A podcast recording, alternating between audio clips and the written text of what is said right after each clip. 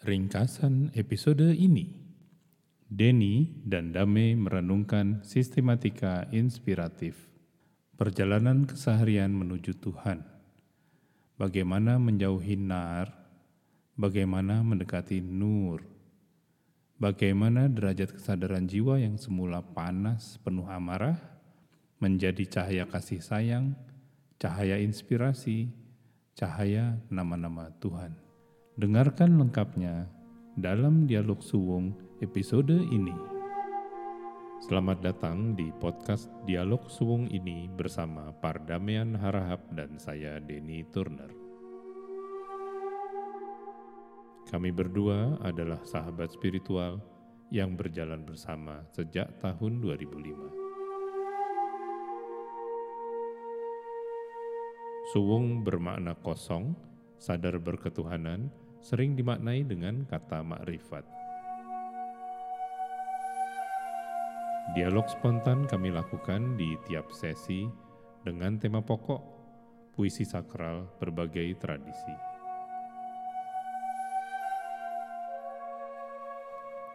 Dialog suwung ini dihadiahkan kepada Anda semua sesama pejalan, sesama perindu Tuhan.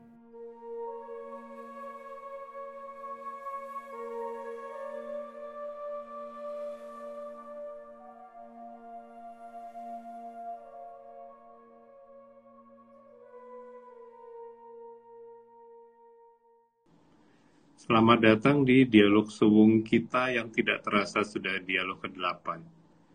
Bersama sahabat saya Bang Pardamaian Harahap dan saya Denny Turner. Kami berdua itu akan merenungkan apa yang Bang Damai sebut sebagai sistematika inspiratif.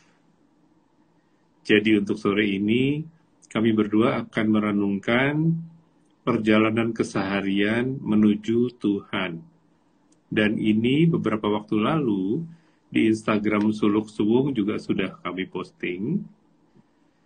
Secara sederhananya, para sahabat semua, perjalanan menuju Tuhan ini bisa disarikan sebagai proses perubahan habit, perubahan kebiasaan, perubahan perilaku. Dan habit itu adalah kebiasaan keseharian. Jadi sebetulnya ini Perjalanan ini sama sederhananya dengan orang yang berhenti merokok, sama sederhananya dengan orang yang mulai rajin berolahraga. Perjalanan keseharian menuju Tuhan itu sama sederhananya seperti itu.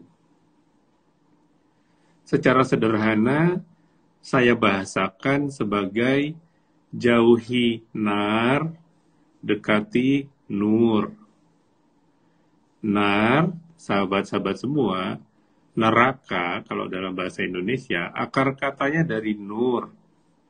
Dan ciri dari neraka itu api yang sedemikian panas, melumat segalanya, jilatannya itu ke mana-mana, sedemikian tinggi dan luas, apa pun tertutup olehnya, hanya api itulah yang bisa kita lihat.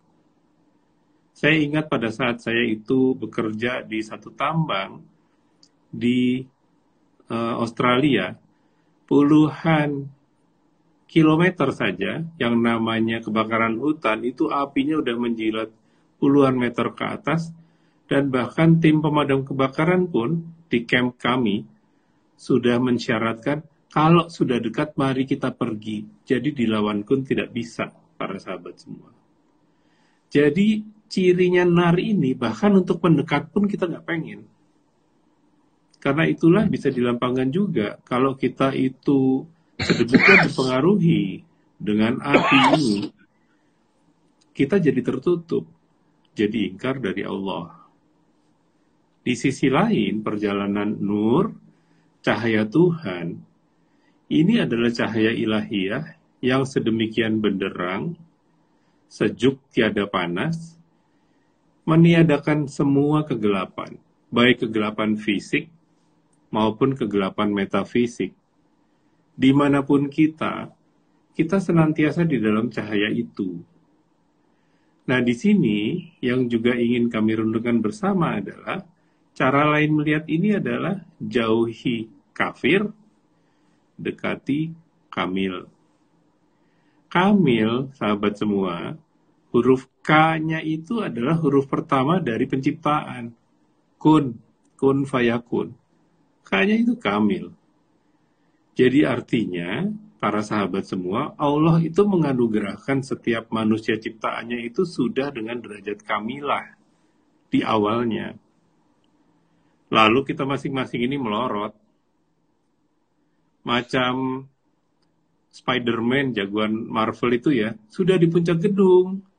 Mendadak kemampuan daya lekatnya itu berkurang. Karena tertutup dengan material, dengan kebendaan, dengan ilusi dunia yang syakti, ilusi dunia yang melenakan, jadilah melorot, bisa-bisa sampai ke lantai dasar.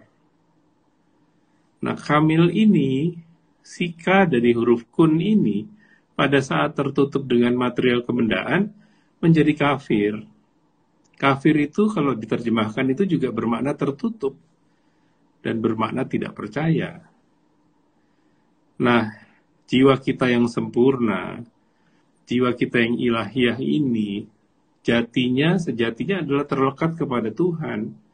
Dan dialog saya dan Bang Dame ini, dialog kita bersama ini, adalah dialog untuk menghidupi kesadaran ilahiyah ini di dalam kehidupan kita sehari-hari.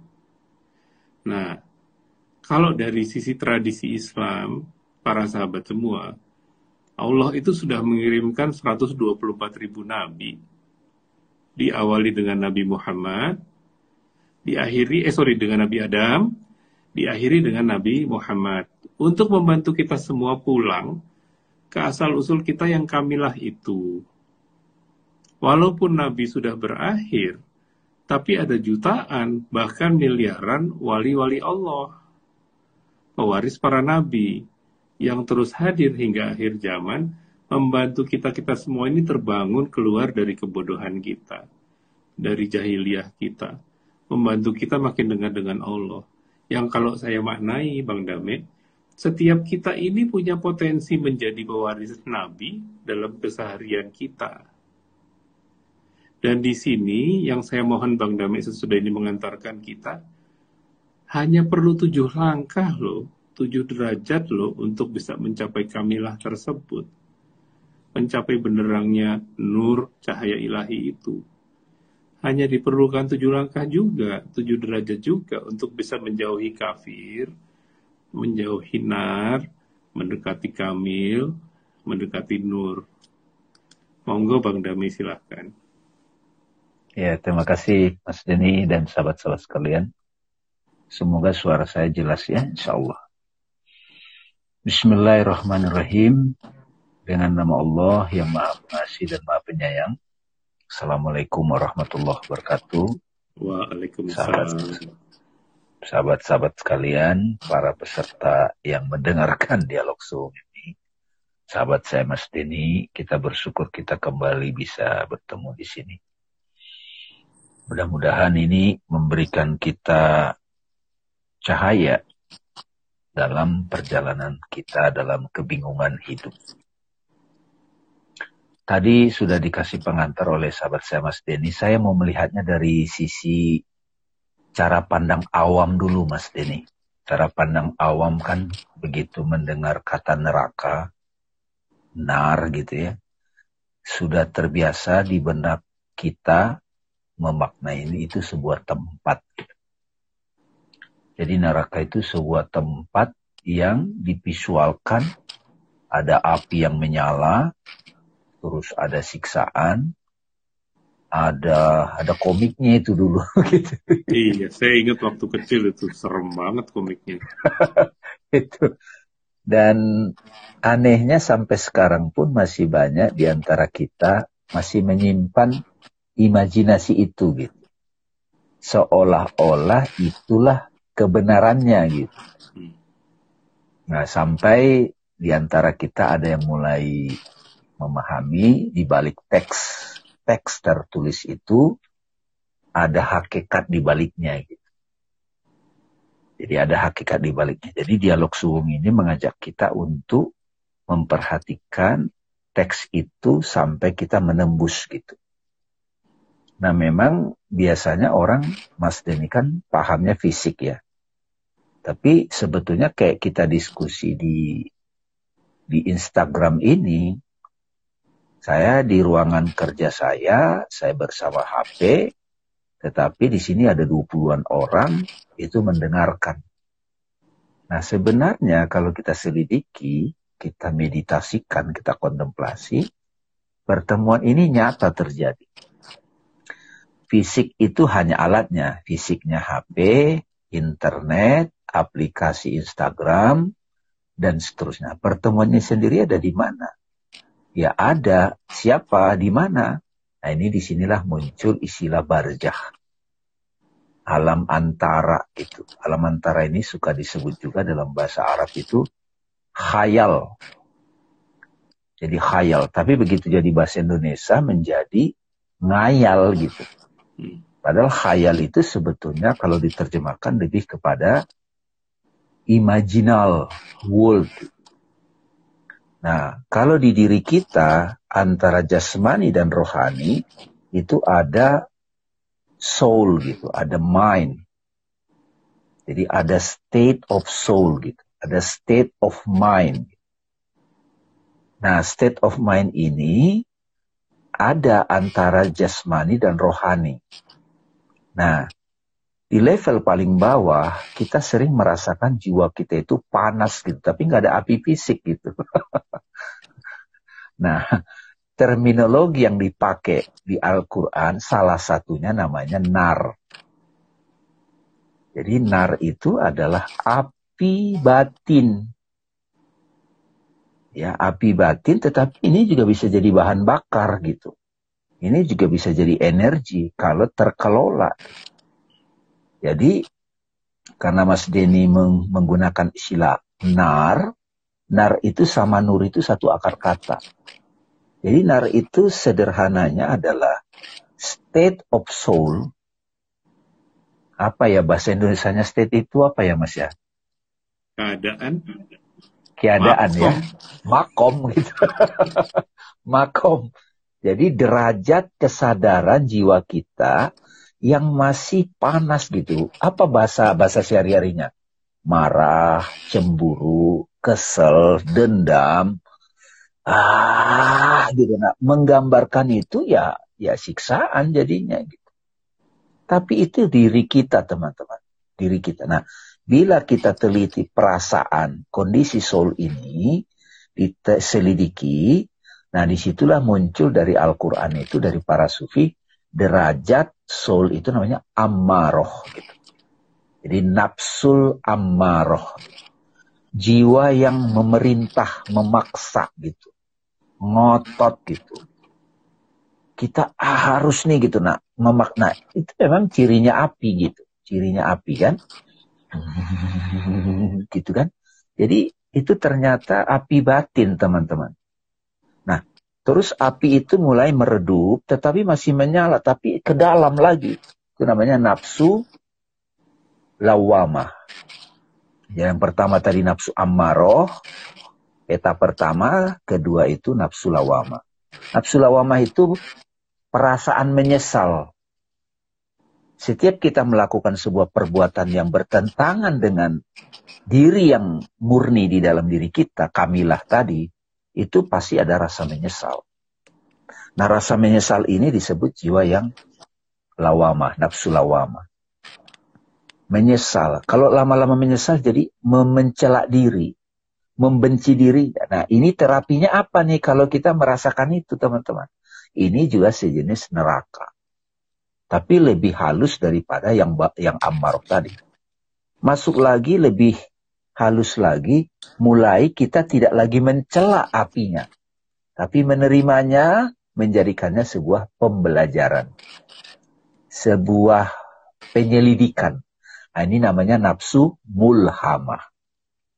Jiwa yang sudah mulai state of soul itu, oke okay, aku perih, aku menyesal, aku salah, tapi aku mau menyelidiki ini.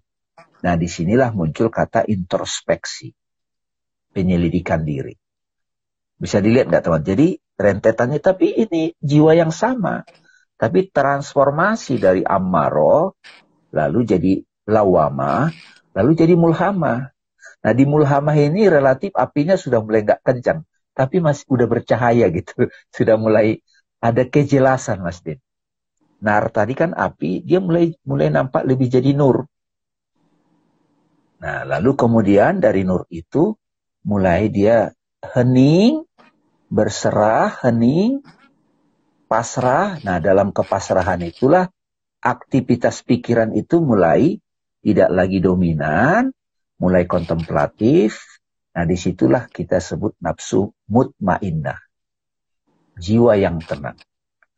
Nah, di nafsu mutmainnah lah turunlah ayat. Ya ayat Tuhan nafsul mutmainnah. Irja'i ila rabbiki radiyatan mardiyah. Fadkhuli fi ibadi wadkhuli jannati. Jadi begitu kita mutmainnah, Lalu kemudian di situ kita bertemu dengan jiwa yang murni. Eh saat yang sama kita bertemu dengan cahaya pengetahuan Tuhan itu sendiri. Nah di situlah semuanya clear. Kita acceptan, kita nama itu namanya nafsu rodiyah. Ya, nafsu mutmainnah, nafsu rodiyatan. Nah, ketika kita sudah bisa menerima dan mengambil hikmah betul-betul total menerima dan dapat hikmah. Itu cirinya ridho. Menerima dan dapat hikmah. Kalau belum dapat hikmah, belum ridho tuh namanya. Kok masih kok iya? Nah itu masih ada pertanyaan. Itu turun lagi ke mulhama. Begitu Rodiah Mas Deni, ridho dan menerima, baru cahaya itu memberkati kita. Itulah nur itu. Kita menjadi nur. Kita menjadi nur buat orang lain, itu yang disebut diridoi rodiyatan mardiyah fathuli fi ibadi wathuli jannati dan bergabunglah dengan hamba-hambaku hamba itu abdu itu udah total menyerah mas dalam aktivitas hidup dalam totalitas menyerah itu abdi itu fathuli fi ibadi wathuli jannat kita bergabung dengan para penyerah para abdi di situlah kita menyaksikan fathuli jannati terbukalah taman paradise. Nah, taman inilah cahaya kasih sayang, cahaya inspirasi, cahaya nama-nama Tuhan. Oke, okay? makanya simbol pencerahan itu nur gitu. Ini sebetulnya jiwa yang sama. Nah, dari bawah tadi dia kita istilahkan kalau dari sisi knowledge kegelapan, julman gitu, hmm. ketidaktahuan, ignoran, kekafiran gitu. Hmm. Jadi kafir itu sendiri adalah ketika kita itu tidak tahu, kita ignoran, kita tidak sadar itu namanya kafir. Bukan perbedaan agama ya, itu yes. Ya bukan dialog suwung itu. Jadi kafir itu adalah jiwa kita saat kita tertutup.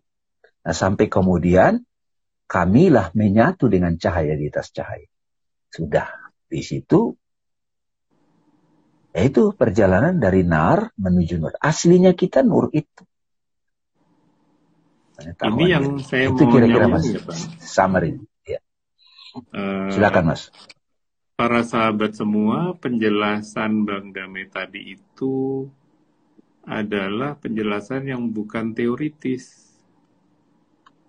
Ini adalah memang perjalanan jiwa yang mana setiap kita itu sebetulnya setiap hari mengalami ini.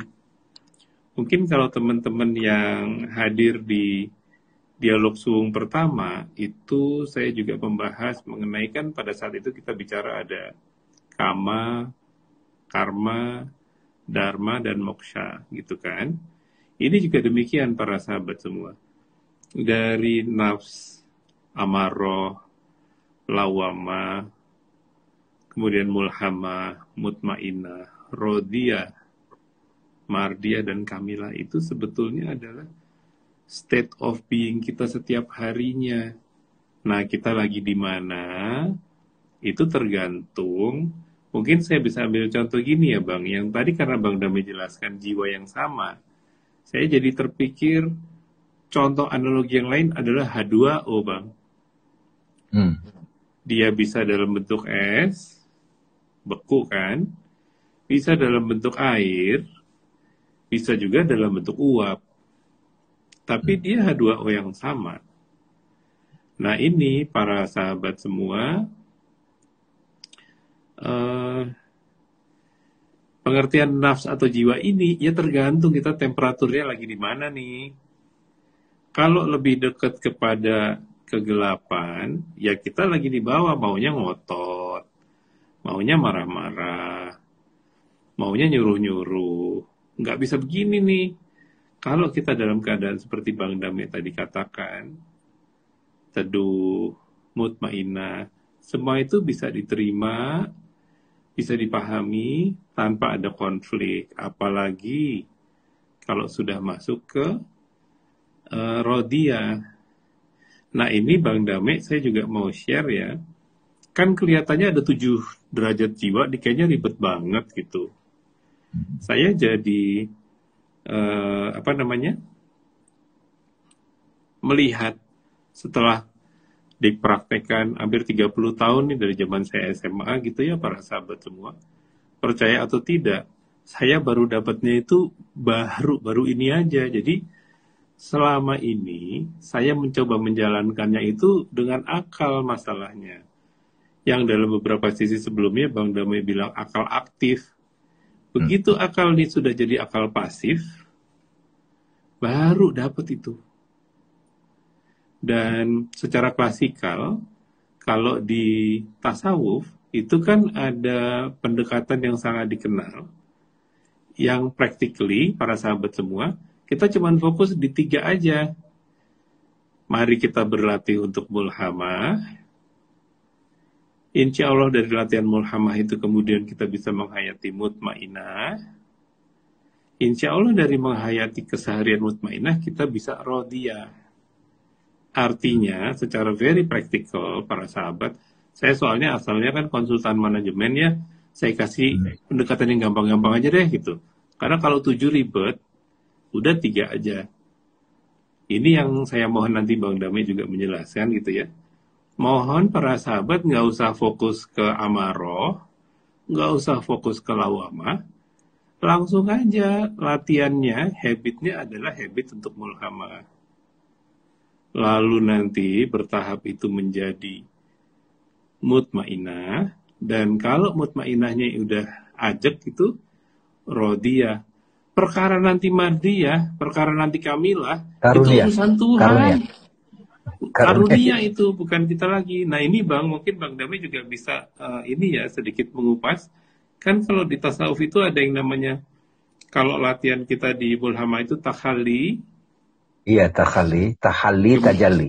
Iya, kemudian di mutmainah itu kita berlatih tahali, dan hmm. terakhir di rodiah itu kan tajalli gitu ya. Mungkin ini yeah. bagi para sahabat itu lebih sederhana untuk dipraktekkan sehari-hari. Monggo yeah. bang, eh, yeah. apa namanya diperdalam di situ. Iya, saya sebetulnya juga berupaya memudahkan ini Mas Denny dengan memberikan satu praktek namanya self-inquiry ya, atau ikro. Setiap ada peristiwa teman-teman, kalau sudah mulai suluk, ini kan dialog suwung. Dialog suwung itu bagi para salikin. Yeah. Itu sudah berhenti menyalahkan situasi, sudah berhenti berlama-lama menyalahkan diri, meratapi diri. Sudah nggak ada, tapi kalau itu datang langsung ke mulhama. Mulhama itu apa? Bertanya dan menyelidikinya ini perasaan ini dari mana dan ya kan apa responku terhadap kejadian ini gitu Jadi terus terang teman-teman proses kita menyelidiki respon batin kita itu. Nah itu yang saya suka ini ego, akal atau kolbu. Kalau ego kita turun lagi kepada menyalahkan situasi dan menyalahkan diri. Nah kalau ini jadi habit itu numpuk teman-teman, pasti numpuk. Karena itu kita langsung ke mulhama. Oke, okay, ini ada amarah, ini ada kesedihan, ini ada cemburu, ini ada kepanikan. Oke, okay. bukan lagi I am sad, bukan kita lagi aku sedih. Tapi I am aware of sad. Jadi aku menyadari sedih lagi datang, cemburu lagi datang. Tonton, observasi, selidiki. Nah, proses menonton itu sebetulnya proses takali, teman-teman Aku bukan sedih, aku bukan marah, aku bukan takut, aku bukan cemburu. Dia hanya hadir datang, tidak lock in, itu namanya takhali. Nah kebanyakan orang identifikasi dirinya dengan memori cemburu, memori dendam itu. Sehingga begitu kita lock in sama perasaan dan pikiran itu, dia menciptakan imajinasinya sendiri mas. Bikin skenario, jadi ke mana-mana kita gitu. Itu disebut anak muda overthinking. Jadi nggak bisa tidur gitu. Nah dialog sungai itu kita langsung, oke okay, ada pikiran seperti ini, datang, pergi, datang, pergi. Observasi, itulah self inquiry. Itu langsung mulhamah mas. Yes. Nah, begitu kita sudah bisa menonton pikiran itu hilir mudik, datang dan kayak kita nonton film horor teman-teman. Kita nonton film horor, kita tahu itu nampak di layar tidak nyata, dia hanya penampakan. Bedanya kalau kita nonton layar filmnya itu di screen, di screen layar itu, sekarang layarnya begitu kita mata nampak di sini. Ah, itu loh Mas. Ada sekarang tambahan lagi itu di laptop sama di, di HP gitu. Tapi sebetulnya ketika kita sudah bisa menonton comes and go-nya pikiran itu, itu sudah mulhama. Nah, the ability to observe your mind atau kebiasaan kita untuk bisa terlatih menonton pikiran tanpa terpengaruh itu di Al-Qur'an namanya takwa. Nah, proses proses dari tidak lock in pada pikiran itu namanya takhalli, Mas. Nah, ini, begitu kita uh, saya tambahin dikit ya, Bang. Ini saya nyambung. Kalau teman-teman lihat di Instagram Suluk Suwung, di sebelah kirinya Takhali itu saya kasih gambar ikon orang mandi. Itu persis seperti yang Bang Dami bilang, udah deh jangan dirasa-rasain banget, buruan mandi. Bersihin deh, bersihin, bersihin. Aku marah banget. Ya, gitu doang kok. Kan gitu ya Bang ya? Bersih dari semuanya dan saya kira pintu mulhamah seperti yang Bang Dami bilang tadi adalah untuk tidak larut kan Bang. Ya, itu latihan ya. sekali. Dan terus terang memang kebanyakan orang ya itu login pada pikiran itu. Seperti ini misalnya Mas. Ini ada pertanyaan sedikit ya, agak nyambung dikit. Monggo silahkan Bang Damai. Jadi yang nanya nih Mbak Wida, apakah nur hanya akan didapatkan oleh umat Islam? Apakah agama lain tidak memungkinkan mendapatkan nur ilahi? Ini kan satu perspektif yang menganggap bahwa kebenaran itu hanya hadir pada uh, sekelompok umat. Saya nyebut sekelompok umat.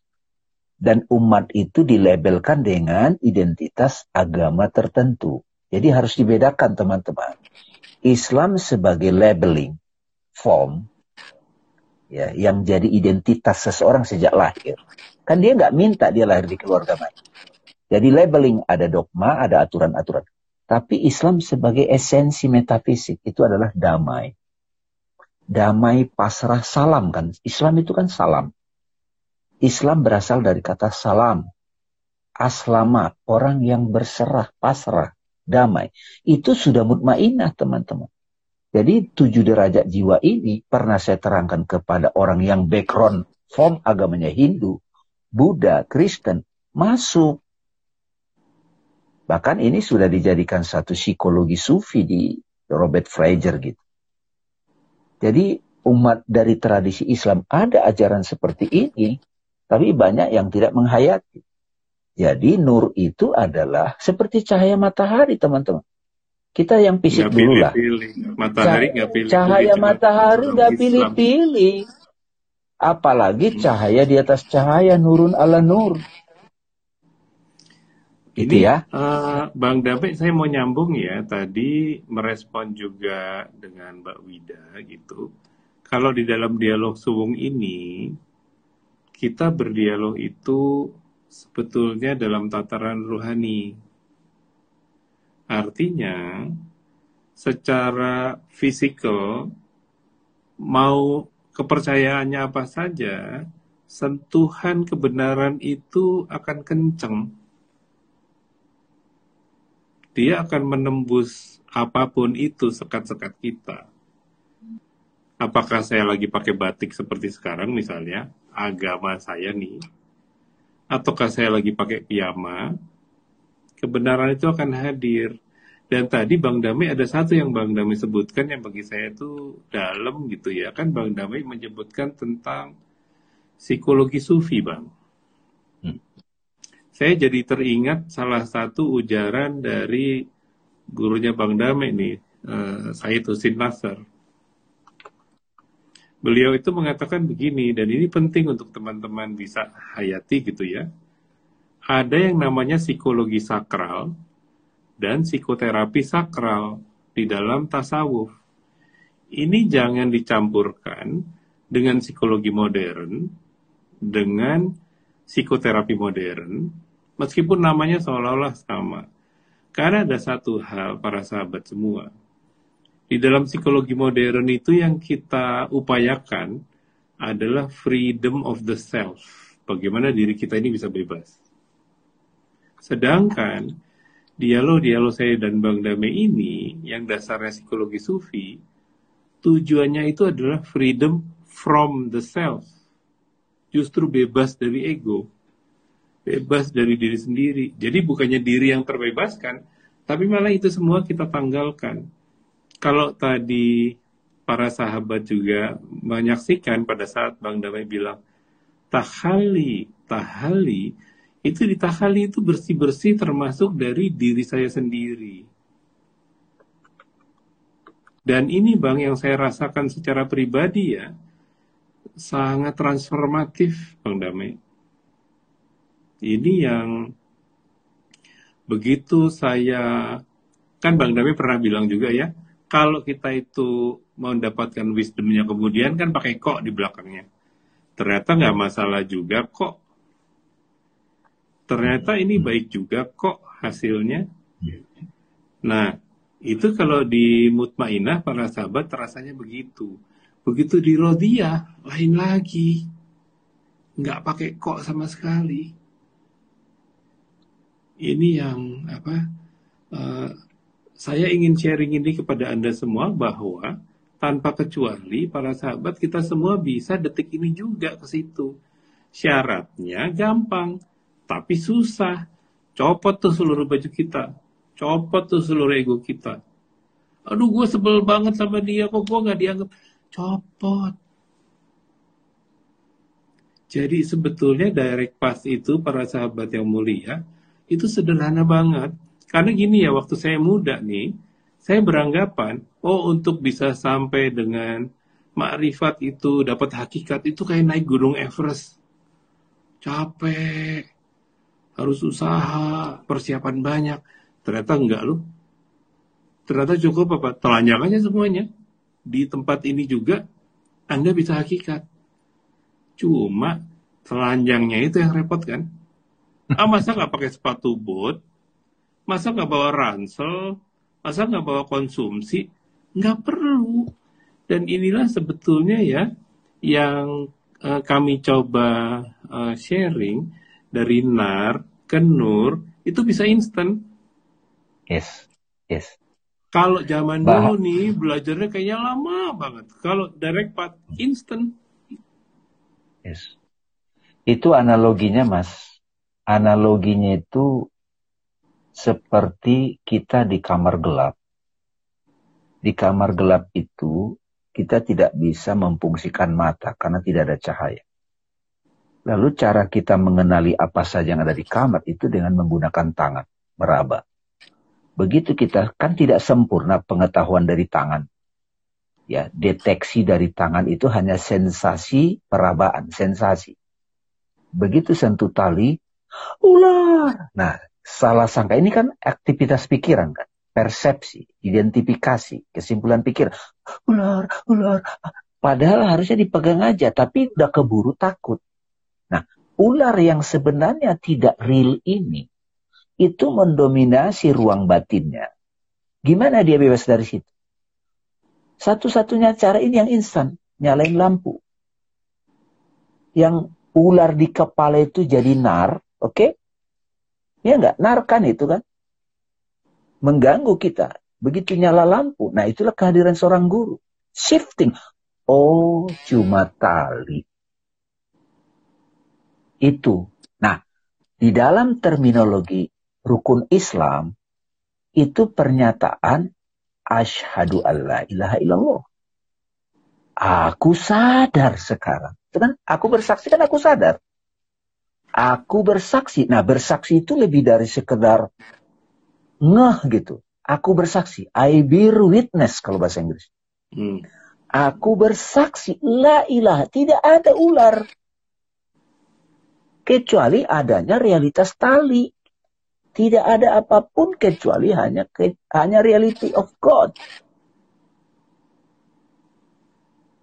Nah, terus ini yang nampak ini apa? Wa ashadu anna Muhammad Rasulullah. Dan aku sadar juga sekarang bahwa yang tampak ini adalah utusan Allah. Kan utusan Allah. Muhammad, Muhammad itu kamilah mas. Penampilan sempurnanya utusan Allah pada kita agar kita sadar pada Allah itu nah disebut Nur Muhammad kan kita di dalam tradisi Islam sendiri pun Mas Denny dan teman-teman kita familiar kok kita tidak menyaksikan wajah fisiknya Nabi Muhammad iya dong coba teman-teman waktu kita menyatakan wa ashadu anna Muhammad Rasulullah apa kita membayangkan sosok pakai sorban, pakai nggak ada kan. Berarti apa sebetulnya implisit di balik itu? Karena yang kita saksikan adalah kemuhammadan. Nah, di dalam tasawuf suka disebut Nur Muhammad. Penampilan sempurna Tuhan dalam sosok apa pun. Itu utusan Allah. Rasulullah. Karena tidak semua orang bisa menyadari emptiness. Jadi la ilaha illallah itu Mas Din itu suwung. Nggak ada apa-apa lagi kecuali dia. Itu la ilaha illallah. Kalau Muhammad Rasulullah ada form. Seperti teman-teman. Ya ini Mas Denny misalnya. Di ruangannya Mas Denny ada cermin. Kan nampak di situ utusannya Mas Denny nampak seperti Mas Denny. Tapi terbalik gitu loh. Makanya Muhammad itu bukan Tuhan. Tapi sisi terbaliknya, penampilannya Tuhan. Bukan Tuhannya gitu. Nah itu menariknya tuh. Tapi kalau kalau Mas Denny bercermin Mas Denny, kan di situ nampak tuh pakai peci, pakai batik kan. Apakah itu Denny? Iya. Apakah itu Denny? Enggak juga kan gitu iya. dia dan bukan dia. Makanya Syekh Al-Akbar Ibnu Orbi bilang, kenapa Tuhan menciptakan cermin di muka bumi? Itulah jembatan manusia untuk sadar hubungan dia dengan Tuhan. Jadi kita semua ini nafsu kamilah itu ada. Kita itu adalah itu. Tapi karena kita tertutupi oleh ular-ular yang di kepala kita itu, mispersepsi itu. Sehingga kita rame-rame amnesia, lupa. Nah, mengingat kembali siapa diri kita, direct part. Menyadari man arufa nafsahu fakut arufa Ya, itu yang disebut awakening, itu kesaksian sempurna. Menyadari kembali itu, itu yang disebut zikrullah. Dalam bahasa Arab, Mas Dini, guru saya juga mengatakan, zikrullah itu kalau orang awam artikan mengingat Allah. Jadi mengingat objek. Ya, seperti kita ingat binatang, kucing misalnya. Itu dianggap mengingat. Tapi sebenarnya zikrullah beda. Ingatnya Allah gitu. Ini Jadi kalau dibahas bening banget ini. Jadi zikrullah itu lebih tepat self realization. Iya. Yang Bang Demi bilang ini para sahabat itu sangat penting. Yaitu Allah itu bukan objek. Karena kita sudah terbiasa melihat segala sesuatu itu dalam hubungan subjek-objek, maka tanpa sadar kita pun mengobjekkan Tuhan seolah-olah Tuhan itu benda. Sehingga kita tidak sadar bahwa sebetulnya subjek di seluruh semesta itu ya cuma satu. Bukan kita subjeknya. Bahkan kita pun ini adalah turunan dari yang tunggal itu. Nah ini sebetulnya barriernya para sahabat semua kesulitan kita untuk bisa sampai ke mutmainah itu umumnya adalah karena kita nyangkut bahwa kita inilah subjeknya. maka sebetulnya kalau di dalam Islam itu dihantar dengan la ilaha illallah itu untuk betul-betul jadi benderang ya kita pun itu bukan apa-apa dan ini sebetulnya analogi Bang Dami tadi Bang cantik sekali yang namanya cermin itu kan yang kita lihat di cermin kita anggap itu real padahal bukan itu kan tapi tanpa cermin saya bahkan nggak lihat muka saya sendiri nggak bisa. yes. Itu Paling menarik. Yang bisa saya lihat gitu kan. Tapi jelas cermin itu bukan saya. Nah, dengan hal yang sama, para sahabat semua, melalui kitalah makhluk-makhluk ini, kita jadi bisa menghayati sang subjek. Tapi bukan kita. Kita ini cerminan, dan cerminannya juga mohon jangan dianggap sebagai pendekatan antropomorfism gitu ya. Tuhan itu seolah-olah bentuknya kayak manusia. Karena apa pun yang kita bayangkan para sahabat tentang Tuhan, bukan itu. Tuhan itu sedemikian sucinya, bahkan kalau di dalam Islam cuman boleh ditulis Allah. Bahkan Muhammad pun sebagai cerminan kesempurnaan Tuhan di semesta ini juga hanya ditulis Muhammad. Kita nggak punya fotonya itu seperti apa. Karena ya. justru ya. hakikat ruhani inilah yang perlu untuk kita mulai hayati. Keterlepasan dari fisik, keterlepasan dari semua ketergantungan itu menakutkan. Saya sendiri merasakan para sahabat betapa mengerikannya lepas dari mimpi-mimpi saya itu.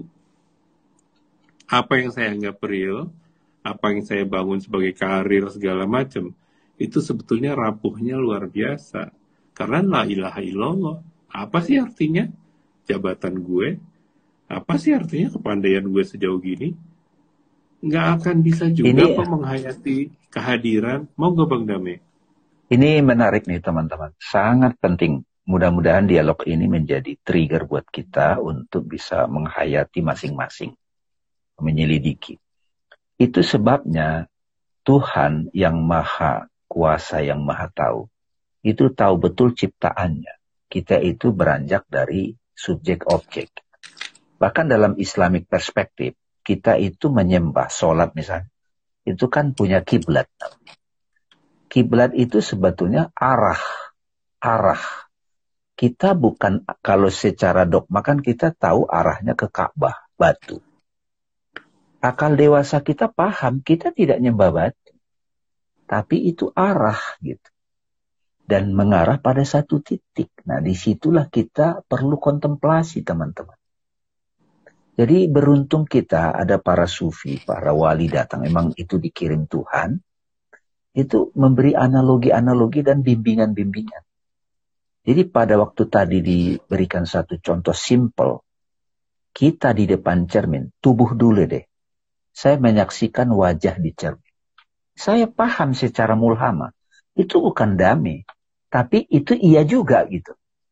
Makanya Ibnu Arabi bilang, huwa la huwa. Alam ini apa? Dia, ya bukan dia juga.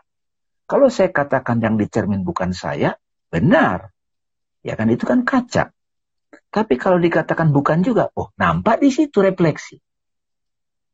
Jadi dia bukan dia. Nah, tapi kita harus paham sifat dari objek itu. Dia adalah proyeksi, utusan. Untuk membuat kita paham. Bagaimana kalau kita nutup mata? Apa yang kita saksikan? Yang kita saksikan kan apa saja yang ada di situ. Kita lupa pada saat kita menyaksikan objek apa pun di ruang batin kita. Kita lupa siapa yang menyaksikan. Makanya la ilaha. Tidak ada ini sebenarnya. Tanpa sang subjek. Ini penting sekali teman-teman dan ini perjalanan panjang saya sendiri me mengkontemplasi ini dengan banyak pengalaman butuh panjang. Tapi ini, ini terbuka pada siapa pun. Tapi kalau kita attract memuja objek, itu jadi ilah teman-teman. Itulah nafsu ammaroh. Tuhannya nafsu ammaroh apa? Egonya kan. Harus gini, harus gitu, harus gini, harus gitu. Tidakkah engkau perhatikan betapa banyak manusia menuhankan hawa nafsunya? hawa nafsu ini, ego ini berantem sama ego ini. Terjadi namanya perang. Tapi di Muhammad Tuhannya apa? Silakan. Tadi yang Bang Dame sebutkan ini perjalanannya panjang, itu kan saya juga alami. 30 tahun lebih. Tapi begitu ketemu, kalau bahasa Jawanya dilalah gitu ya. Loh, ternyata selama 30 tahun lebih tersebut para sahabat, cara saya itu nggak efektif sama sekali. Yaitu apa? Subjek objek ya nggak ketemu-ketemu, bukan karena Tuhannya jauh. Setiap saat itu beliau itu bersama kita selalu, kitanya aja yang double gitu ya. Baru setelah betul-betul La ilaha illallah itu dihidupi bukan hanya dilisankan. Walah, jadi dari dulu yang saya cari perjalanannya, ya di situ-situ aja. Cuma tabir hijab yang bikin tidak kasyaf ini sedemikian ribet. Jadi kita nggak lihat, kita jadi terkesima dengan cerminnya itu. Di sini makanya para sahabat semua, saya dan Bang Dama itu bermaksud kalau bisa cepat kenapa pakai lama gitu loh. Tentu ya. kalau para sahabat itu memilih dan sebaiknya memang ada bimbingan dari guru spiritual, mursyid gitu ya. Nah kami berdua di sini jelas-jelas bukan mursyid, tapi kami hanya berbagi pengalaman bahwa bisa loh. Dan itu setiap orang bisa, dan detik ini pun bisa. Syaratnya juga nggak susah. Cuman melawan habit, sama kayak mau berhenti ngerokok, ya udah berhenti aja ngerokok. Kan sederhana ya, tapi ribet berhenti ngerokok. Oh, Anda mau sehat? Ya udah, jalan kaki aja tiap pagi. Sederhana kan? Tapi ribet jalan kaki tiap pagi. Ini juga sama para sahabat. Sederhana banget untuk bisa berdekat dengan nur Tuhan itu sederhana, tapi ribet kenapa? Menghidupi la ilaha illallah itu ribet banget. Terus ya. karir gue gimana? Kebanggaan saya gimana? Kan saya masih berpegang ke itu, nggak sepenuhnya ke Tuhan. Hmm. Lo katanya mau berdekat dengan Tuhan, kok masih pegangan sama yang lain? Di sini lo teman-teman, ini yang saya bilang, godaan dunianya, ilusi dunia itu luar biasa powerful. Sama lah kalau saya udah kecanduan gaming gitu ya, ngelepas gaming sebentar, atau kecanduan handphone deh. Nggak buka Instagram 5 menit aja sakau. Ini juga sama. Maulah ilaha illallah, keburu, aduh ntar dulu, gue masih urusan Nah ini para Perlu sahabat. sakit dulu ya. Perlu sakit betul. dulu ya.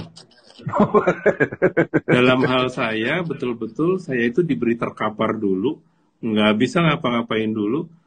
Udah lo biar rasa lo. Baru, oh Alhamdulillah di situ para sahabat. Saya baru menghayati rodiah. Itu setelah tahu betapa sejuknya. Dan bahwa semua yang tadinya saya khawatirkan kayak tadi Bang Damai bilang mengkhawatirkan ular, nggak gitu-gitu juga kok. Apa yang saya takutkan tentang masa depan, anak-anak saya nanti gimana, dapat jodoh yang baik atau enggak, ya udahlah. Siapa lu? Gitu kan? Nah, kerendah hatian yang absolut ini para sahabat yang dibutuhkan untuk bisa sampai kepada nur ilahi tersebut nggak bisa setengah-setengah, nggak bisa belaga belaga rendah hati nggak bisa, emang harus rendah hati titik.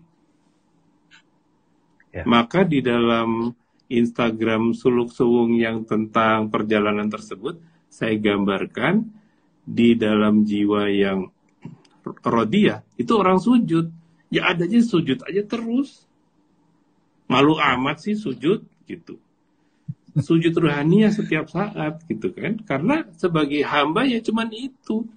Mau apa lagi? Ya. jadi hikmahnya para sahabat sekalian ini sederhana banget.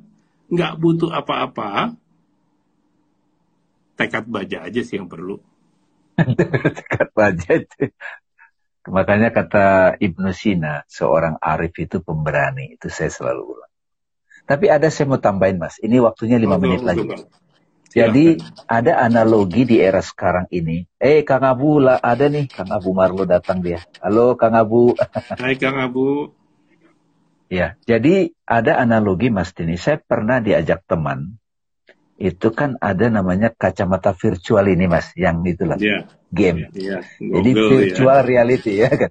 Saya pakai lah ini dalam beberapa jam. Nah di situ ada film horor Mas, monster-monster. Nah tahu apa yang terjadi? Itu kan saya hanya menyaksikan sendiri dan itu kayak real.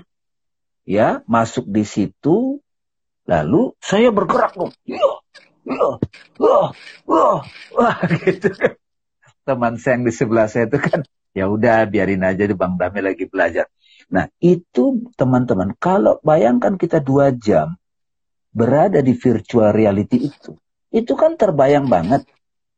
Terus begitu kita letakkan ini, virtual, pandangan virtual ini, itu kan masih terbayang tuh di imajinasi mas. Nah itulah sebetulnya trauma-trauma itu masa lalu itu. Nah gimana kita menyadari lah gitu. Karena itulah harus sadar sang subjek. Satu-satunya cara sadar sang subjek. The witness. Nah, belakangan saya suka kenalkan istilah standing as awareness. Itulah ilaha illallah. Nah, sekarang kita berada di virtual reality ini berapa tahun? 30 tahun, 40 tahun. Jadi kita hanya terbiasa menyadari realitas fisik. Padahal kita dikasih pengalaman mimpi sebenarnya. Dalam pengalaman mimpi, saat kita bermimpi, kita menganggap itu real. Tapi begitu kita bangun, enggak kok. Itu cuma appearance. Nah, makanya Nabi Muhammad bilang, nah, kehidupan dunia ini adalah long dream. Jadi yang tadi kembali kepada nafsu ammaroh, nafsu lawamah, nafsu mulhama pun itu adalah dream. Tapi lebih bijak lah. Begitu kita ke mutmainah, kita mulai meletakkan semua neti. La ilaha. La, la, la, la, la. Nah akhirnya apa? Sujud mas kan? Begitu sujud apa? Subhana rabbiyal a'la kan? Maha suci Allah yang maha agung. Ini saya nyambung dikit bang. Ya Tadi yang Bang Damai sebutkan itu saya jadi teringat dialog kita yang merenungkan tentang puisinya Hakim Sanai.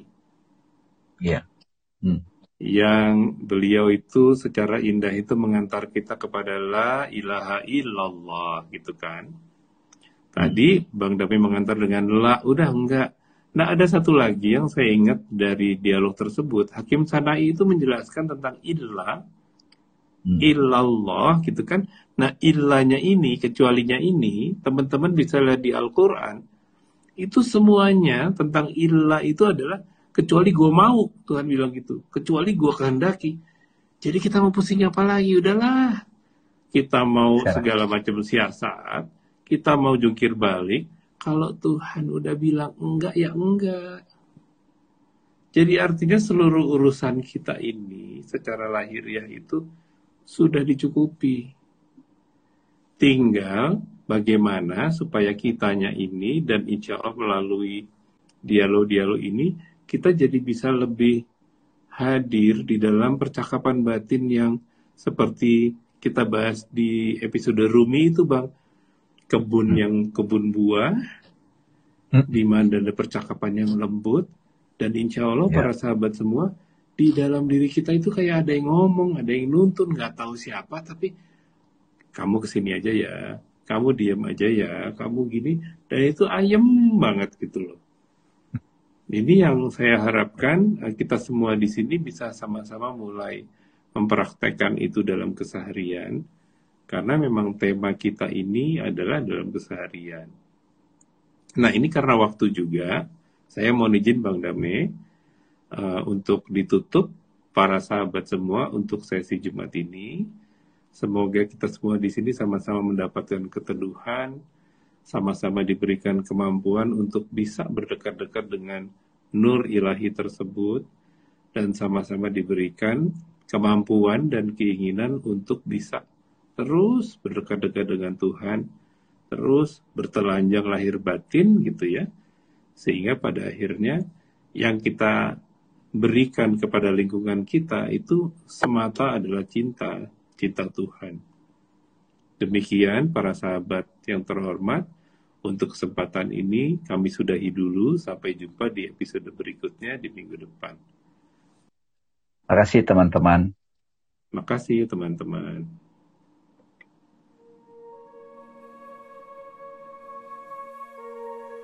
Kami undur diri. Semoga dialog suung episode ini tersampaikan dengan baik dan menjadi kebaikan.